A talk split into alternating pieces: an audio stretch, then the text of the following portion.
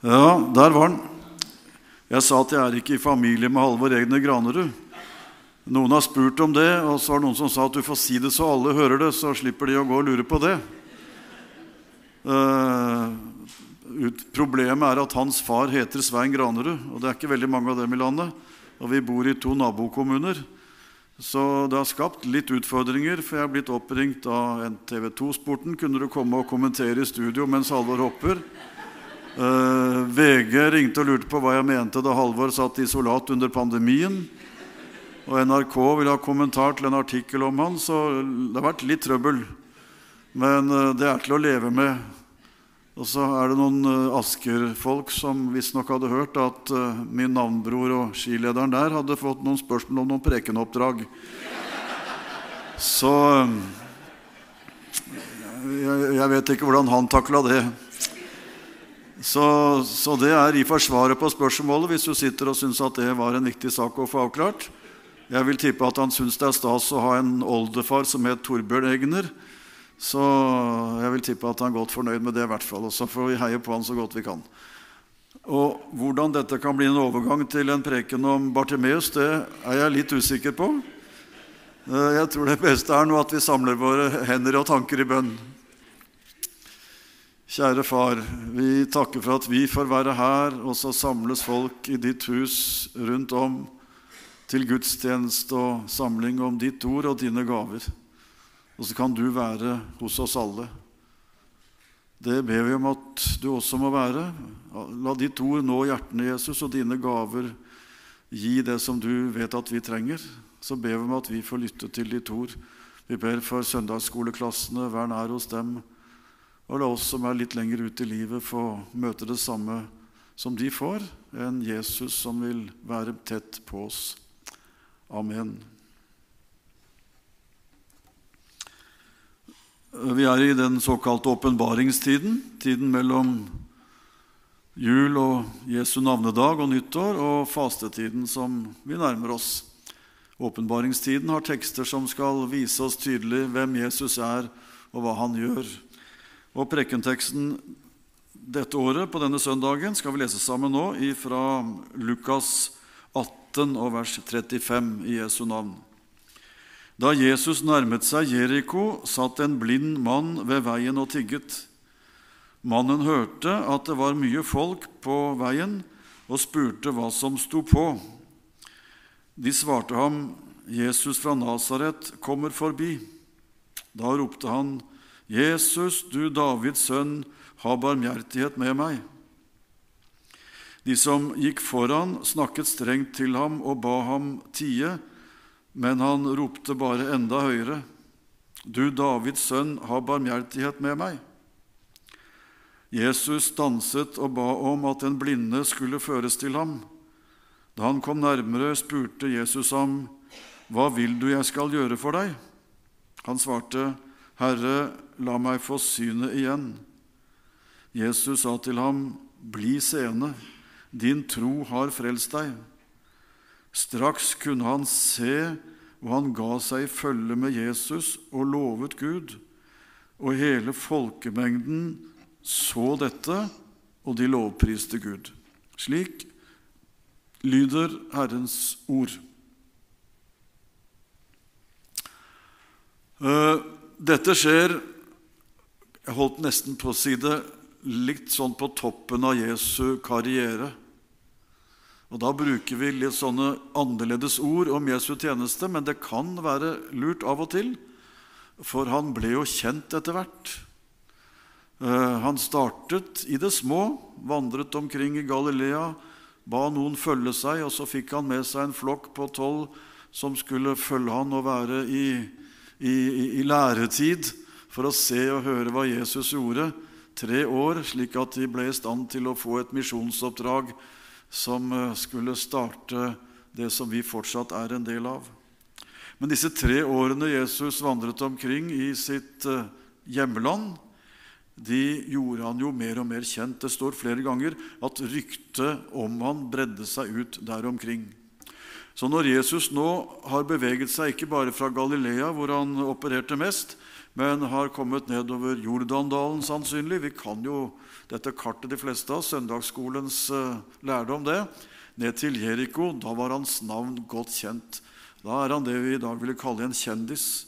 Og det ser vi indirekte av denne historien, fordi folk strømmet til. Det gjorde de ikke i starten, for da visste de ikke hvem han var. Men nå er ryktet vel kjent, og folk strømmer til. Han er på vei til en viktig by der nede ved, ved Dødehavet. Flere hundre meter under jordas overflate, faktisk. Dypt der nede. Og Dit kommer han til byen Jeriko, og folk strømmer omkring for å se. Det er jo sånn det er når kjentfolk kommer. så så stiller en seg opp og kanskje får et blikk, om ikke annet. Og når det til og med ryktes at denne mannen både snakker bryskt til fariseere og til og med, sies det, gjør under, det er klart, da er det jo spennende om han kanskje gjør noe sånt her hos oss. Og jeg ser liksom for meg at han nærmer seg byen og byporten, og folk står langs veikanten og ser. Nå kommer han hit, mon tro. Hva skjer når Jesus kommer her? Og så er det jo Jeriko som alle steder at det fins folk på ulike eh, plasser i den sosiale rangorden og med helse og, og status og alt det som gjør at vi kan se forskjellene veldig tydelig, mye mer enn vi ser likhetene. Og Der satt altså den blinde tiggeren og hørte at folk strømte omkring, og skjønte at nå skjer det noe ekstra. Blinde de har noen sanser ekstra, så de senser mye. Det gjorde Bartimeus også. Og Han fikk høre at det er Jesus som kommer. Og Han hadde hørt rykte om Jesus, han som de andre, og tenkte nå har jeg sjansen. Han har jo gjort noen friske.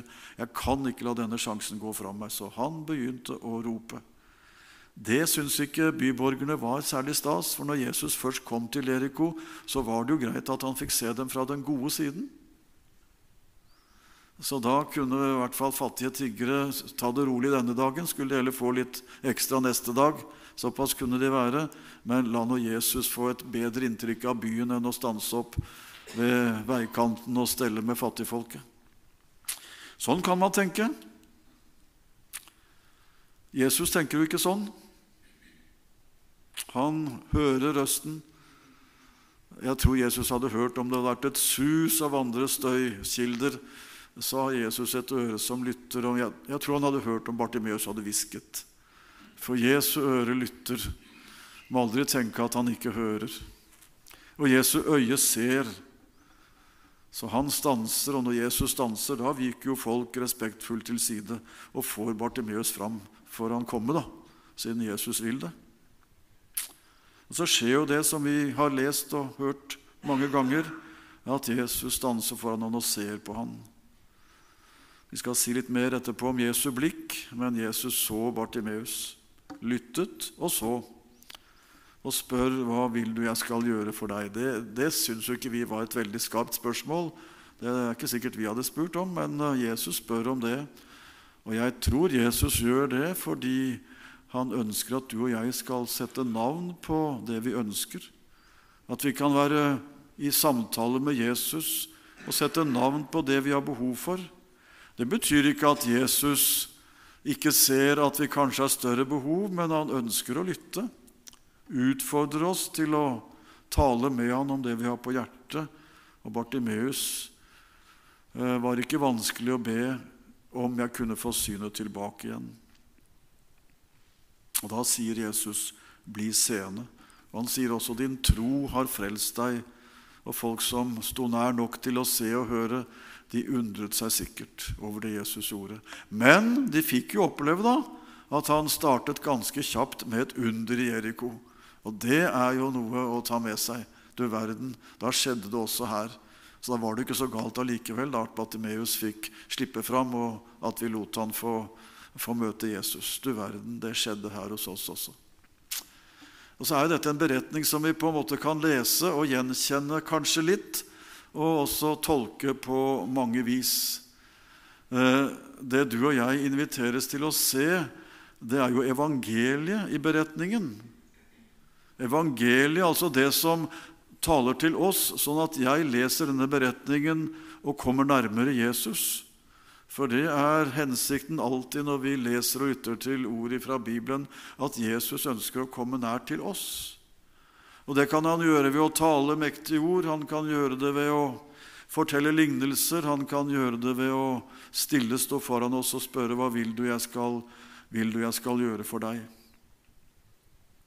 Og jeg tenker Det første vi løfter fram, det er Bartimeus sin frimodighet når Jesus er der.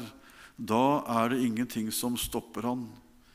Det forteller vel ikke nødvendigvis om en dyp teologisk fundert tro. Jeg er ikke sikker på om Bartimeus hadde all verden av det, men han hadde hørt om Jesus, og dermed så ønsket han at Jesus skulle stoppe opp. Og hvis Jesus kunne gjøre noe, så var han velkommen med all sitt. Når man er langt nede, så er man ikke så nøye med ting. Ikke med former og systemer og strukturer. Og Jesus han hører tvers igjennom godtfolkets ønske om at det skulle være litt ordentlig og kultivert der i Jeriko. Og jeg tenker at vi som lever i etablerte både trossamfunn og systemer og ordentlige samfunn og fellesskap, vi kan lære litt av det som skjer denne dagen her, at det er ikke alltid det må være ordentlig for at Jesus skal gjøre det han ønsker. Det hender Jesus bryter igjennom og lar ting skje som vi syns er litt uordentlig. På tider hvor vi syns det ikke skulle skje. Vi hadde nå planlagt at bønnen var der, og sånn skulle det være. Og så skjer det noe som bryter med det, og så har vel både du og jeg vært vitne til at man lurer litt som hva, hva er, dette, er dette greit? Er dette greit? Du og jeg må øve oss i å gi rom for Jesus også når han går på tvers av det som vi syns er de rimelige og greie strukturer. Det er et av budskapene fra denne beretningen. Vi kan stå i veien med vårt ønske om at det skal være ordentlig og skikkelig og greit, hvilket er som regel greit. Men pass på at ikke våre forventninger til at alt skal gå skikkelig for seg, står i veien for en Jesus som av og til skyver alt til side fordi han ser Bartimeus. Og da, dere, da kommer vi til neste punktet, at du og jeg må øve oss i å se med det samme blikk som Jesus ser. Det har vi talt om litt før denne helgen, men jeg tror ikke alle dere har vært på alle samlingene, så vi repeterer ørlite grann. For vi har sagt noe om at Jesus han trenger oss til å møte andre. Det er jo gjennom oss Jesus kan møte Bartimeus og en annen kar som vi hører om litt lenger ute i beretningen. Gjennom oss han gjør det. Det er derfor Jesu tolv disipler er de første i en lang rekke av Jesus' venner som lærer av han å se de andre og lytte slik som Jesus lytter. Det var en viktig lærdom for Jesu disipler. De skjønte at han var ikke en som bare samlet folk til møter og hadde strukturer og orden på det, og så gikk han videre til neste sted og satte opp plakat, og alt var ordentlig og strukturert. Jesus undret folk hele veien fordi han var annerledes enn de som de var kjent med hadde det religiøse ansvaret i samfunnet. Han gikk omkring og møtte folk der hvor de var. Og dere, Det er veldig godt med gudstjenester og samlinger. Jeg satt, jeg sa det til deg, Vi satt og så på som, dere som kom fram til nattvær. Jeg blir nesten rørt å se hvordan det er, og hvor flott det er å være på gudstjeneste og oppleve det fellesskap som vi opplever her. Men det er i morgen at vi er der hvor Jesus vil bruke oss i møte med de andre. Og Derfor er vi her både for å få for vår tro og for vår tjeneste. Og Vi skal se først litt om vår tjeneste. Ingen lang preken, dette her. Men vi er tilhørere til dagens evangelium for å lære hvordan vi ikke skal være tilskuere som helst ser at ting ser skikkelig ordentlig ut, men slike som sammen med Jesus ser dem som kanskje andre overser, men som trenger en som møter dem med sitt blikk.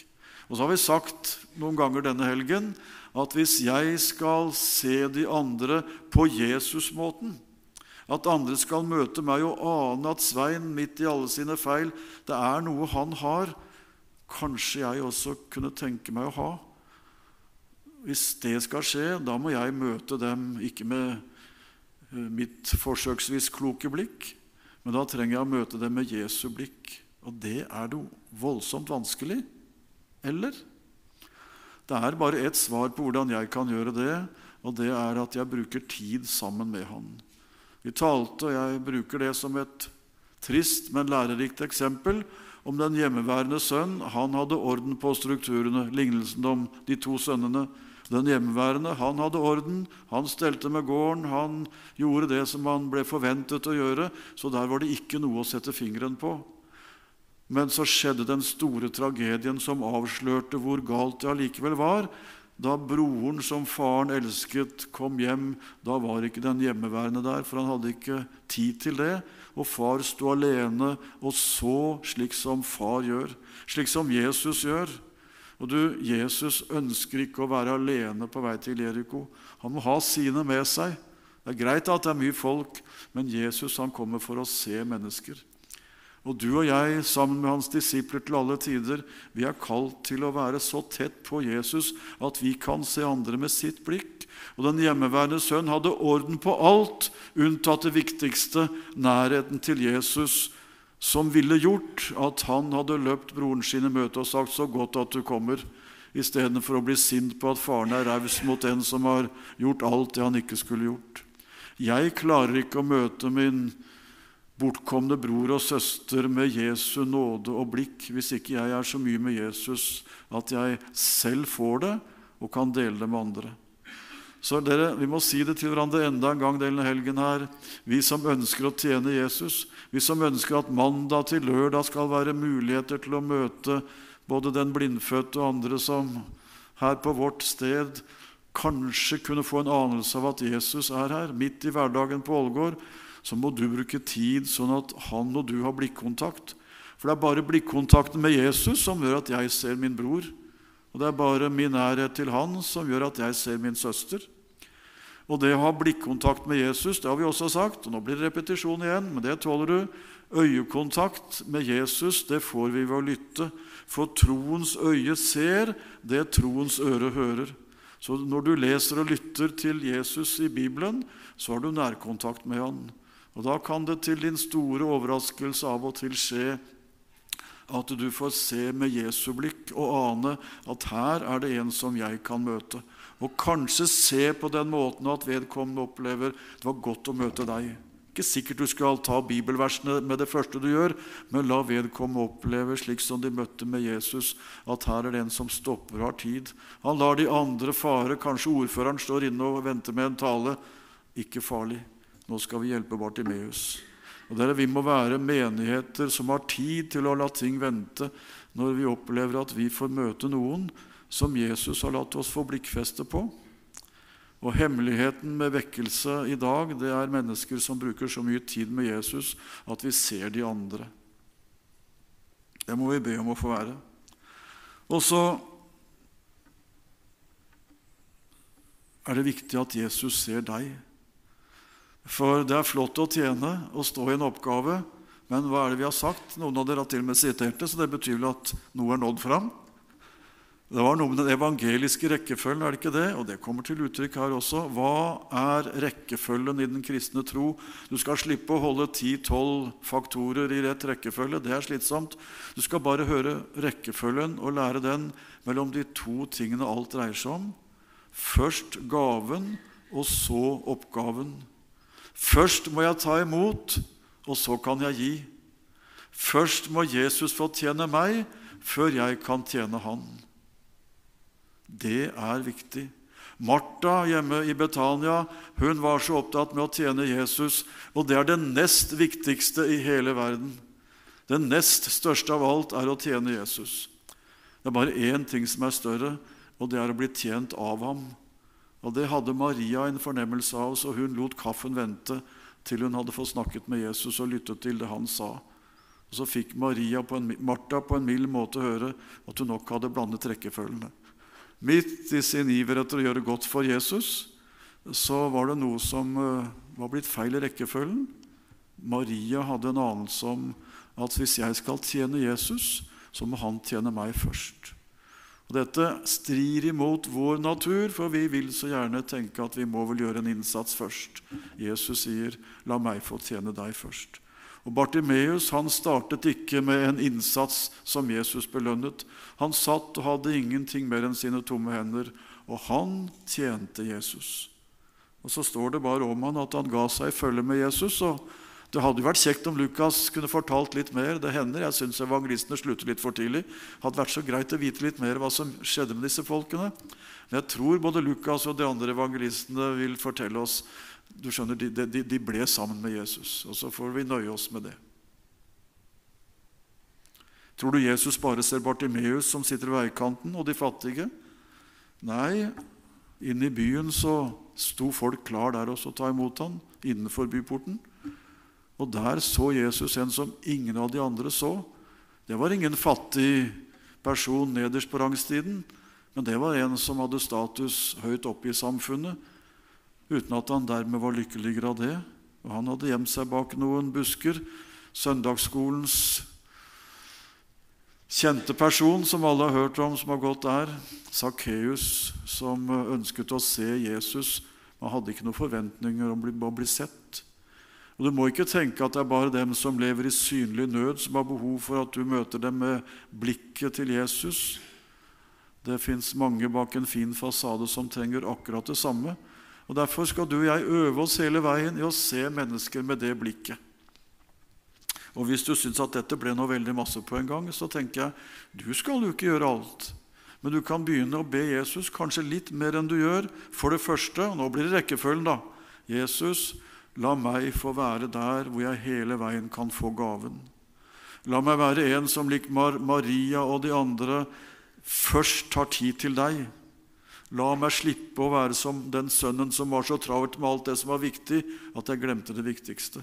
Hjelp meg å huske rekkefølgen, gaven, blikket, på deg, og du som ser meg. For skal jeg møte andre med det blikket som vi snakker om, så må jo jeg bli sett med det blikket av Jesus. Og det blir jeg når jeg lytter, for ordet jeg hører, gir meg blikk som ser. Og ord som ikke høres, gir sløve troens blikk. Så enkelt og så alvorlig. Og så kan jeg be om at når jeg får gaven hver dag, så kan jeg også få oppgaven og så skal ikke jeg frelse hele bygda, men kanskje Jesus kunne vise meg en eller to som jeg kunne ha et særlig blikk for. Som jeg tenker han eller hun kan jeg faktisk bruke litt tid på. Vi møtes av og til. Jeg tror faktisk jeg snakket med en av dere her om litt av om det. For det er sånn vi har det. Kanskje han eller henne har jeg en mulighet til å møte sånn at de kunne ane hvem jeg kjenner. Og så kan det bli åpning for at jeg kan dele. Og Det du kan dele, og som ofte fungerer best i deling, det er å dele hva Jesus har gjort med deg. Det har en troverdighet som, som, som når ofte fram. Det har nok vært litt evangelisering som er liksom jeg skal ha tre punkter av troen som jeg skal dele med deg. Kan være greit. Men kanskje som den samaritanske kvinnen som kom og sa jeg har møtt en mann som har sagt meg alt jeg har gjort, og de skjønte at hun hadde opplevd noe helt underlig. Kanskje du har noen erfaringer du også, som du kan dele med andre. Det lytter folk til. Sakkeus fikk et nytt liv, men han er ikke tema nå. da. Men begge disse to er der i Jeriko, og for meg er det litt oppbyggelig å se at først møtte han en som var helt utenfor, som de andre bra holder munn. Jesus han bryter alle forventninger og ser dem som vi overser. Så må vi øve oss og ikke være blant dem som sier hysj til Sakkeus, men som heller ser han og sier, 'Sakkeus, vi kjenner Jesus'. Og så må vi passe oss på å tenke at Sakkeus klarer seg sjøl. Han kan ha en velfylt konto og likevel et tomt hjerte. Og Så gjelder det at vi ser da, det som andre overså, at det sitter en som ingen aner, men som trenger en frelse like mye som dem som sitter ved veikanten. Du og jeg er de som skal vandre rundt i dag, midt i livet, ta imot gaven og stå i den viktigste av alle oppgaver og dele blikket fra Jesus med andre, slik at han kan nå inn også til dem og si til dem, som han sa til Bartimeus, din tro har frelst deg. Og troen var ikke full av mange kunnskaper, men den kjennetegnes på én ting tillit til at hos Jesus får jeg det jeg trenger. Såpass skjønte Bartimeus, og mer trenger verken du eller han å skjønne. Nå skal vi slutte, skal vi be sammen. Kjære Far i himmelen. Takk for evangeliet om eh, Bartimeus, som jo er evangeliet om Jesus. Takk for at du stopper Jesus og ser. Og Nå ber vi at du må se oss der vi sitter. Se meg med det jeg trenger. Det er ikke så rent lite jeg har bruk for deg. Hjelp hver enkelt oss, og kanskje noen mer enn andre trenger at du stopper opp og ser i dag.